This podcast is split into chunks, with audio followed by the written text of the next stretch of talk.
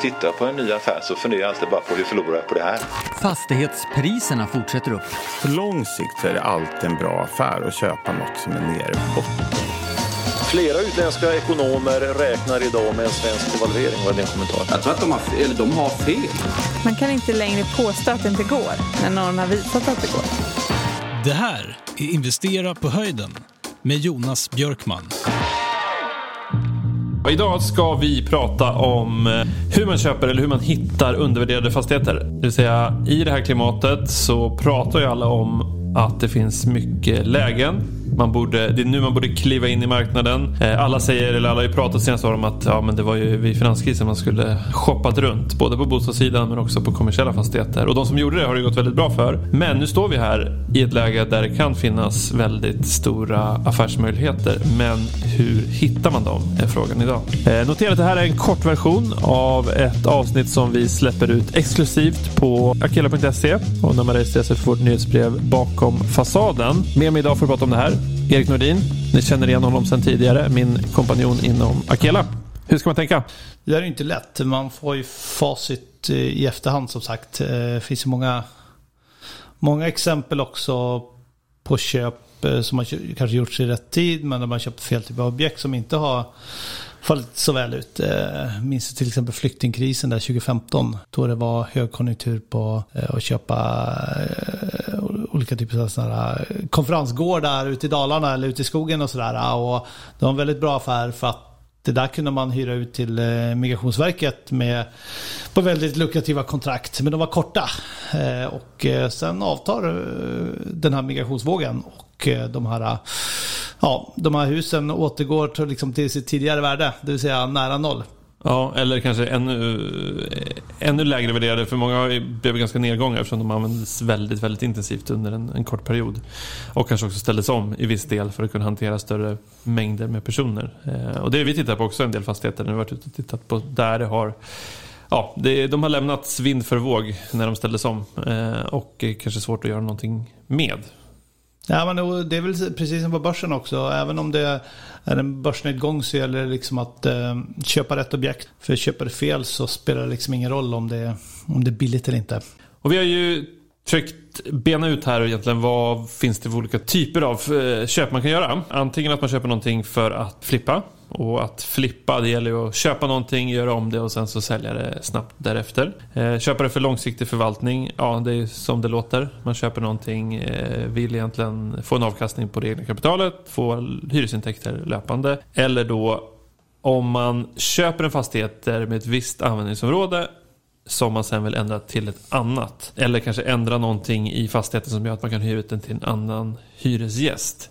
Det är väl egentligen de tre kategorierna vi eh, tänkte prata om idag. Stämmer.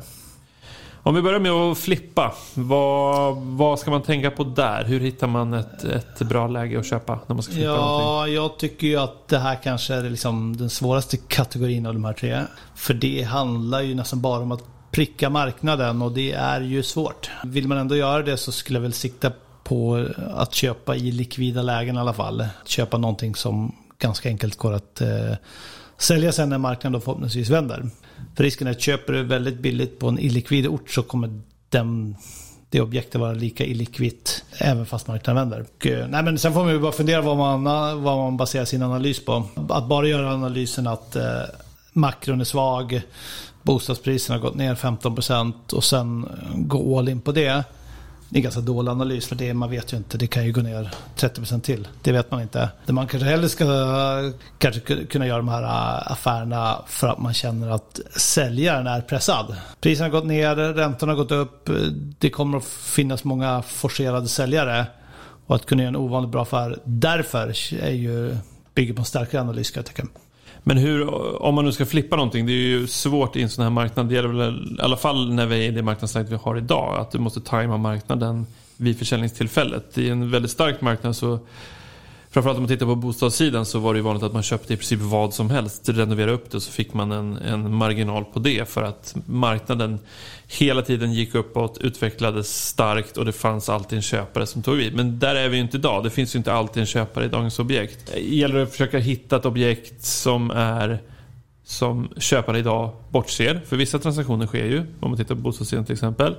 Och sen försöker man göra någonting med den som gör att den sticker ut. Eller är det också för att köpa någonting nu som är likvitt i en lite mer normal marknad. Och man måste också liksom kunna sitta på det ett tag innan man får iväg det.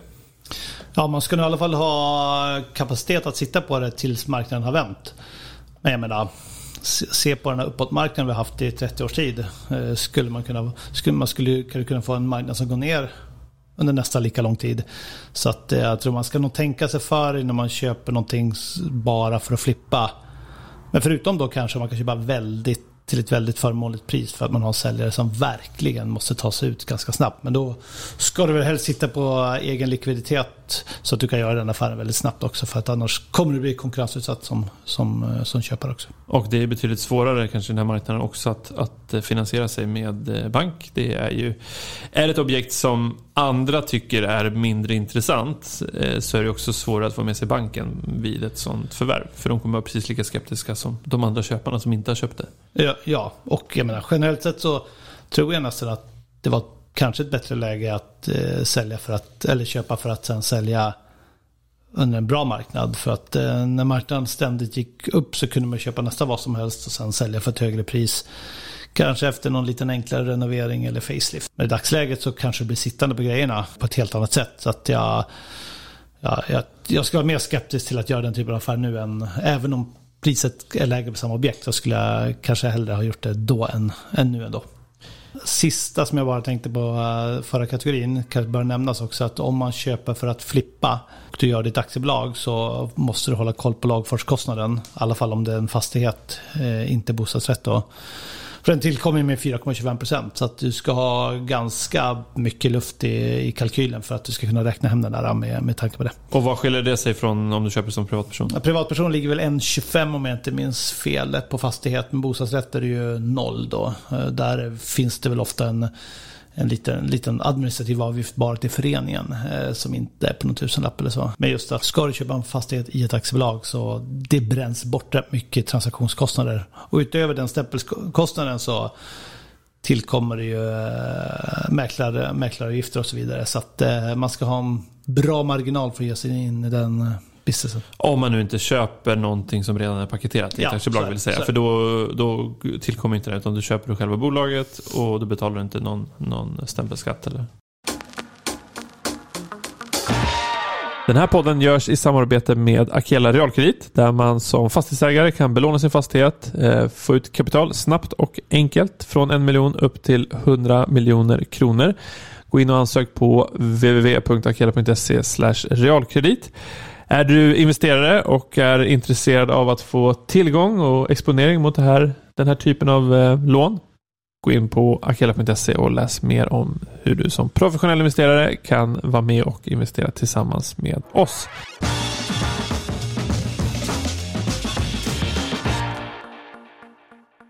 Om vi går vidare då till den andra kategorin förvaltningsfastigheter eller om man ska äga någonting för eh, långsiktig förvaltning. Vad Är det bättre i, i det här läget tycker du? Eh, ja, det skulle man väl kunna tycka va. Att köpa någon, liksom priserna på den typen av förvaltningsobjekt har varit extremt nedtryckta under många år.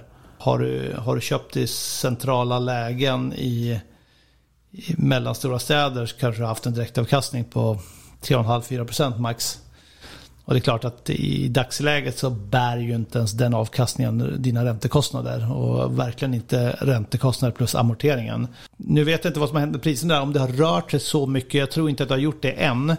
Men det är klart att kan du köpa någonting nu som redan i dagsläget bär räntor och amorteringar och driften så finns det väl alla möjligheter att det där kan bli rätt bra på sikt. Men eh, jag skulle, man jag skulle nog inte ha köpt någonting med, med en negativ direktavkastning så att säga. Så att man ska nog upp och hitta någonting som ger en minst 6-7% i alla fall eh, direktavkastning för att det ska vara intressant, skulle jag tycka i alla fall. Det, det bygger in en sårbarhet också om du köper någonting som du kommer förlora pengar på varje månad och bara vänta på att räntorna ska gå ner. För man vet ju inte när det sker. Men eh, absolut, det är väl i sådana här tider man ska köpa förvaltningsfastigheter tycker jag. För att kunna få en riktig bra värdeökning på dem när räntorna sen vänder ner. Men, eh, Det finns ju å andra sidan, i alla fall inte den erfarenhet vi har de senaste ett, ett och ett halvt åren. Marknaden har ju inte gått ner särskilt mycket och det bygger väl framförallt på att man inte har, alltså det har inte funnits några säljare för att man sitter och håller på det bestånd som finns. Förutom då de lägena där det finns stressade säljare. Och det är klart, händer det någonting Alltså händer det någonting med de stora fastighetsbolagen, SBB börjar rea ut eller behöver kränga ut så kommer det kanske slå på marknaden och nya priserna anpassar sig och det kommer ut andra, eh, så att säga, man, man accepterar nya prisnivån och objekten börjar, alltså försäljningen börjar komma igång igen. Men det är väl lite samma sak som du var inne på första kategorin att det är ju framförallt stressade säljare där man kan göra de riktigt bra affärerna. Nej, men jag tror att man får nog dela upp också på fastighetsägare som har ägt sina fastigheter under lång tid eller de som är ganska nya på marknaden. Eh, om, man, eh, om man ser till de som har ägt sina fastigheter i tio år eller mer så är de relativt, eller ofta ganska har begränsad belåning på det där. Och har du inte så mycket lån, ja då kommer du antagligen inte sälja dina fastigheter till någon typ av reapris. Utan då väntar du väl in den här vändningen. Det är klart de som har gått in tungt under 2021-2022 och som hade en 70% belåning då och köpte på direktavkastning 4%. För dem är det tufft. De, de förlorar nog pengar, i alla fall kassaflödesmässigt varje månad. Så att eh, förr eller senare kommer deras buffert ta slut och de kommer behöva sälja. Så att det är nog där man ska leta hos relativt färska investerare. Och de är ofta kanske lite yngre, har lite mindre erfarenhet och kommer ha lite svårare att parera det här nya ränteläget också. Sen kan man lägga till också att många, och det var ju det många har gjort senaste åren, att du har köpt kanske lågt värderade enligt den tidigare marknadens eh, prissättning och eh, jobbat med förädlingar. Och det har ju vi sett också, att man har köpt nästan fallfärdiga kåkar ute på landet, du snickar, du kan göra mycket själv, du köper någonting eh, som ingen vill ha. Inget stort fastighetsbolag vill ha det, ingen lokal för det har dåligt rykte. Sen går du in och, och jobbar igenom det här eh, huset eller det här beståndet själv, lägenhet för lägenhet, kan ta ut lite högre hyra. Det som också är intressant är ju kanske på mindre orter när du kan få Alltså det standard, du rustar upp det till en standard som inte finns på den orten. Vilket gör att det blir, den hyran du sätter kanske är relativt sett ganska hög om man tittar på den befintliga. Men de som har råd att betala vill ha den standarden. Vilket gör att du faktiskt eh, kan få en otrolig värdeökning på ett sånt objekt och kanske då kan till och med, om du köper det, Eh, förvärva det med egna pengar eller lite, lite dyrare lån. Sen kan du finansiera det med en bank när du kan visa på, även med liksom, de räntenivåer som finns idag. Men du har fått upp hyresnivån så pass mycket att ehm, eh, du kan du kan finansiera finansiera med, med eh, en, en bra bankbelåning. Och då ta tillbaka de pengarna som du har stoppat in från början. Nej, men och, jag tycker det är bra poäng det där med att kan man göra ganska mycket själv. Det har ju du och jag egen erfarenhet av att det kan vara ganska svårt att få snurr på ett bestånd om man sitter för långt ifrån. Om, eh, även om beståndet är relativt stort. Och, men du behöver ändå någon typ av fastighetsförvaltning och felavhjälpning och eh, nyuthyrning och så vidare. Så att det, jag tror att ekonomin i, i fastighetsförvaltning liksom av bostäder, i alla fall om det inte är ett gigantiskt bestånd, det är ju att kunna göra ganska mycket själv. Du har mycket att tjäna på om du kan göra egen snöskottning, om du tycker det är kul, och felavhjälp och så vidare. Hantera hyresgäster. Behöver du ta in någon fastighetsförvaltare extern som du betalar plus moms som du inte får dra av för varje enskild händelse. Det rinner iväg för mycket. Det, det där är svårt att få ihop. Och, jag menar, och det diskvalificerar ju många fastighetsinvesterare också. De flesta som har kapacitet att köpa en hyreshusen, de drömmer inte om att eh, ordna, fix, eh, ordna stoppen i avloppen själv. Utan de vill att någon annan gör det och ser det mer som en finansiell placering. Men det är, det är ganska svårt. Det var svårt till och med i en lågräntemiljö. Det är inte lättare nu. Nej, och det blir betydligt svårare att få upp kalkylen. Det är väl eh, den direkta slutsatsen. Ja, då sitter man och går på schablon och tänker att man räknar bara 450 kronor i drift och underhåll per kvadratår. Och och så gör man en schablon eh, på det och sen så hamnar man i någon eh, liksom glädjekalkyl som inte håller. För det är helt plötsligt kostar snöskottningen massor och eh, de här 450 går inte alls ihop för att elpriserna har gått upp och så vidare. Så att det är, Och jag vet att eh, flera banker har ju höjt den här, den här tidigare schablonen på 450 ligger väl snarare på, vet jag vissa banker pratar om 650 nu. Alltså, de har gjort lite översyn och det här är ju mer hörsägen men, men det har ju pratats bland banken om att man ska höja. Den har legat väldigt länge på drift och underhåll på 450 per kvadratmeter och den har ju i princip alla räknat med. Både banker, eh, kanske inte mäklare, de har varit nere och, och snurrat på, på, på sånt som har passat dem för att få upp ett bra pris. Men 450 har varit någon form av standard och det började diskuteras efter stora analyser på om man tittar på vad fastighetsbolagen faktiskt ska ha haft för driftskostnader om man ska öka upp den där. Och då har det snackat om, varit snack om 500-550 upp till 650 tror jag. Och det slår ju enormt mycket på en, en eh, driftskalkyl såklart. Ja, och sen så gäller det också att även det, det kan vara lockande att köpa sådana förvaltningsfastigheter på lite sämre orter. För att ja, men det ser betydligt trevligare ut. Du kan, det är låga kvadratmeterpriser, direktavkastningen ser eh, hög ut. Men det man ska räkna med är ju den här omflyttningen. På mindre orter där det inte finns ett naturligt underskott av hyresrätter.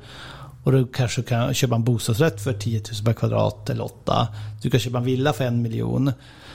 Då får du en ganska dålig kvalitet på hyresgästerna. De som betalar då 7 000 kronor för att bo i din ganska sunkiga trea det kommer inte vara några bra hyresgäster. De kommer kanske inte ha något jobb, de kanske förstör, eh, massa problem med dem, betalar inte hyran.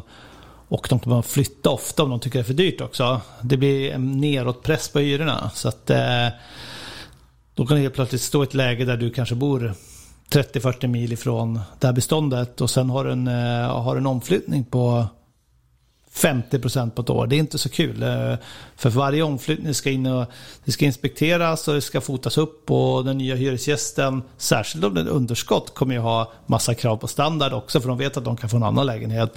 Så de kommer kräva att det renoveras och så bor de ändå där i bara tre månader eller sex månader innan de flyttar. Det kostar pengar. Och det där har du och jag fått prova på i lite olika former som eh, fastighetsägare. Det stämmer. Det tredje kategorin då, ändrat användningsområde. Eh, vad är det för någonting? Ja, men här tänker vi, och det här kanske ofta är den liksom bästa affären, att man identifierar en fastighet som man kan Ja, man kan använda till något annat än vad det används till i dagsläget. Det behöver inte vara något jätterevolutionerande. Det kan ju vara en sån enkel sak som att det är en kommersiell fastighet där man kan få in en bättre hyresgäst som betalar mer. Eller att man kanske bara förlänger kontraktet så att det är ett längre kontrakt än det var innan. Eh, men sen kan det vara en detaljplanändring eller om det gäller bostäder kanske man kan ombilda från, från hyresrätter till bostadsrätter och så vidare. Så att eh, här finns det ofta ganska här finns, det ganska, här finns det bra affärer att göra för att nuvarande ägare kanske inte riktigt förstår vad man skulle kunna ha den här fastigheten till. Förstå att det här är ett väldigt bra logistikläge som skulle kunna användas på olika sätt. Eller har riktigt koll på att det snart kommer en batterifabrik här i närheten. Det kanske har min fru koll på. Men eh, att eh, liksom se, se in lite grann i framtiden. Man kanske kan stycka av en del. Eh, är det en villatomt kanske man istället för en villatomt kan göra till tre villatomter och så vidare. Så här kan man göra ganska bra affärer med Sen behöver du driva detaljplan så har du ju en risk i det. En tidsrisk och en risk såklart för att det inte går igenom. Och eh, även en, eh, visserligen med kanske ett kassaflöde under tiden, men, men ehm, just att ändra en detaljplan tar ju väldigt lång tid. Det kan man ju räkna på 7 till 10 år ja, i vissa fall. Inte, och blir det inte av så kanske fastigheten nästan har ett lägre värde än vad du köpte den för. För ibland så köper du den ju med optionen att det bör gå att få igenom en ny detaljplan. Och Exakt, och det har ett visst värde för, för innan det så har andra även kunnat värdera den optionen att det här skulle kunna... För att det ligger, om det är ett industriområde som ligger i anslutning till ett annat bostadsområde som är väldigt populärt men det är egentligen ganska sunkiga industritomter eller någonting man kan vara. Med förorenad, eh, förorenad mark kanske. Precis. Um... Nej, men jag tycker några av de bästa affärerna som jag har sett av de vi känner, det är, det är de som egentligen har identifierat en ny hyresgäst och pratat med hyresgästen och nästan har klart med hyresgästen innan de approcherar fastighetsägaren. Så att när de väl köper fastigheten så har de mer eller mindre ett påskrivet hyresavtal med en ny hyresgäst som ska etablera sig där. Och då kanske man har fått upp hyran ett antal gånger eller fått ett väldigt långt avtal. Och då är fastigheten som du köpte för 10 miljoner, då kanske den är värd 15 miljoner så fort du har tillträtt med den nya hyresgästen. Så att där finns ju, om man, om man hittar ett objekt och liksom är lite omsorg att få till det där så är det där, eh, kan vara fantastiska affärer.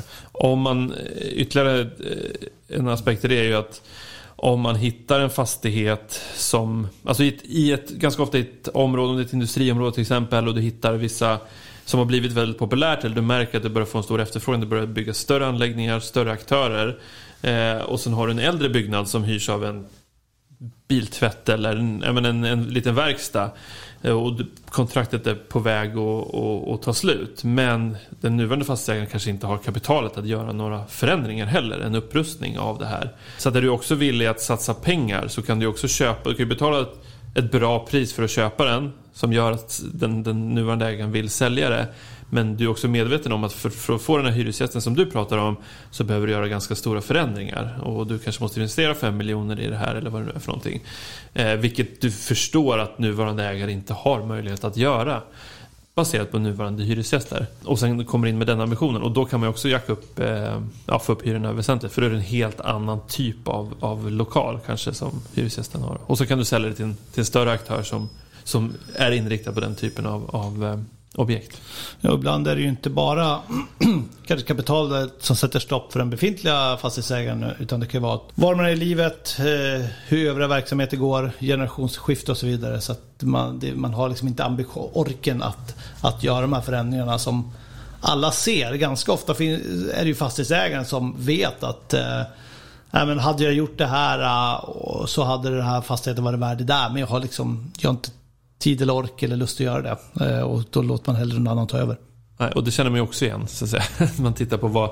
Man har ju mycket idéer om man skulle kunna göra. I alla fall de fastigheter vi varit inne och, och, och äh, ägt vid olika tillfällen. Att äh, här skulle man kunna göra det. Men det ska ju som du säger också finnas ett intresse att göra det. För det kan ofta vara lång, långsiktiga processer. Och det finns ju risker där också. att Det är ju inte säkert att det är bara att göra det. Det kan vara något bygglov eller någonting, en konjunktur som viker eller den där hyresgästen du hade tänkt på har valt att inte etablera sig. Så att det, det är klart det finns risker där också och, eh, och där, där kan man ska vara extra uppmärksamma på också när det är just säljaren som berättar om allt fantastiskt som går att göra här. Eh, den här outnyttjade vinden som börjar inredas.